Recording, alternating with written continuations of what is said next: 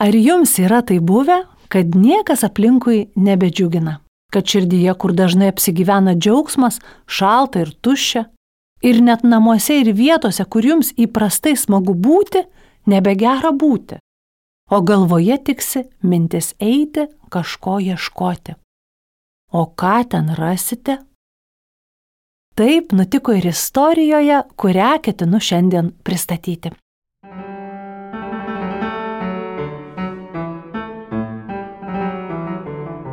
Sveiki, aš esu Kristina Savickytė ir džiaugiuosi, kad įsijungėte mano kūriamą tinklalaidę vaikams pasakas uodega.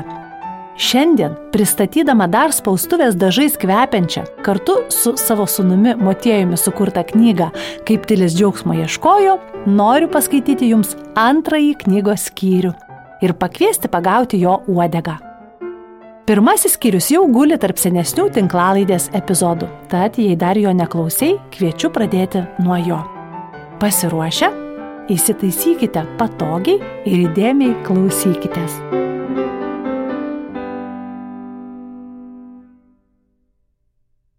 Paslaptingasis prieglopstis.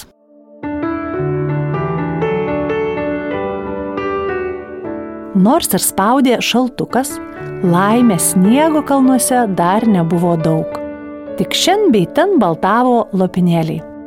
Todėl eiti tiliui buvo nesunku. Žingsniavo jis gan greitai, o kai pajuto, kad kojos nuvargo, saulė buvo žemai ir jis ėmė dairytis nakvynės. Nekarta buvę žygyje, Tilis puikiai žinojo, kad geriausia nuo nakties vėjų slėptis kalnų oloje. Kaip tik tokia pasitaikė pakeliui ir jis greit šmurkštelėjo vidun. Daugumą olų netoli savo namų Tilis buvo ištyrinėjęs. Tad ir dabar tikėjosi rasti jam įprastą urvą, kur vėjas pripučia lapų ir šakelių, užklydę gyvūnai palieka savo pėdsakų ir kvapo, o plyšeliuose žiemoja vabaliukai ir driežiukai. Ne viename tokiame Tilis jau buvo nakvojęs. Tačiau kalnai tuo ir ypatingi. Kai jau manai juos pažįstas, jie ima ir nustebina. Tai buvo ir šį kartą. Įlindęs pro gana siaurą angą, Tilis išvydo duris, o jas pastūmęs atsidūrė neįtikėtino dydžio oloje.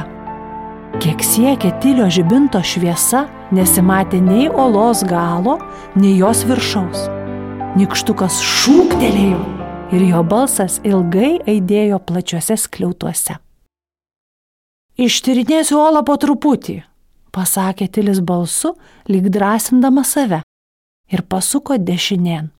Paėjęs keli žingsnius, jis dar labiau nustebo. Jo žibintas apšvietė dar vienas duris.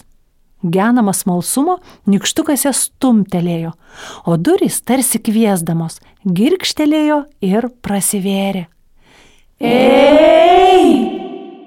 Šūktelėjo Tilis kiek garsiau, bet jam ir vėl atsakė tik Aidas.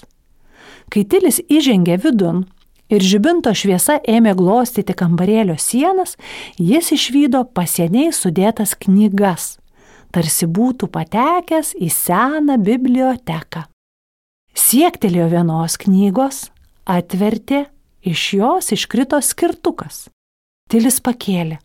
Ant jo pamatė nupieštą širdį ir užrašą mylimiausiam. Gerokai aptrintas skirtukas matyti jau buvo pabuvojęs ne vienoje knygoje. Tilis prisėdo ant kambarėlėje stovinčio krėslo, užgesino žibintą ir užsnūdo. Dar spėjęs mintimis aplankyti visus savo mylimiausius - mamą, tėtį, senelius ir mielus draugus nikštukus.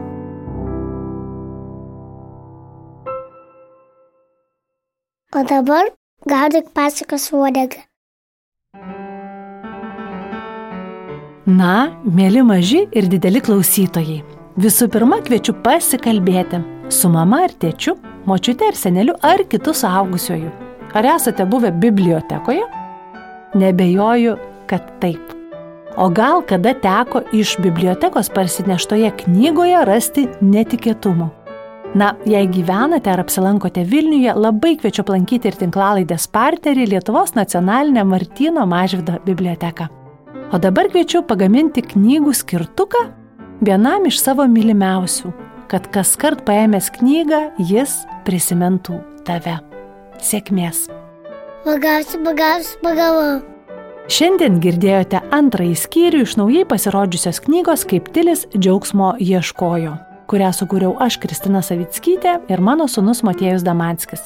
Knygoje Nikštukas Tilis iškeliavęs iš namų patenka į neįtikėtinai paslaptingą kalnų gyventojų kibučių pasaulį ir susipažįsta su jų gyvenimo ypatumais bei nuostabiomis tradicijomis. Kokie jie kibučiai? Ar niekštukas stilius susidraugaus su jais ir kokias jų tradicijas stilius parsineš namo. Kiekvieną iš 24 pasakos skyrių lydi ir uodega, kaip ir šioje tinklalaidėje, kviečianti kalbėtis ir kartu kažką nuveikti. Knygą jau galite rasti tiek fiziniuose, tiek interneto knygynuose. Tinklalaidę pasakas uodega sugalvojau aš, Kristina Savickytė. Tinklalaidė įrašyta Lietuvos nacionalinės Martino Mažvido bibliotekos garso įrašų studijoje. Garso režisierė Katažina Bitoft.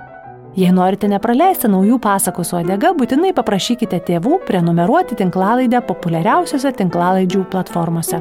Taip pat visas tinklalaidės galite rasti ir mano puslapyje www.savitskytė.lt bei Facebook'o paskyroje Pasakas Odega. Ačiū, kad gaudote pasakos uodegą kartu su manimi. Iki kitų kartų.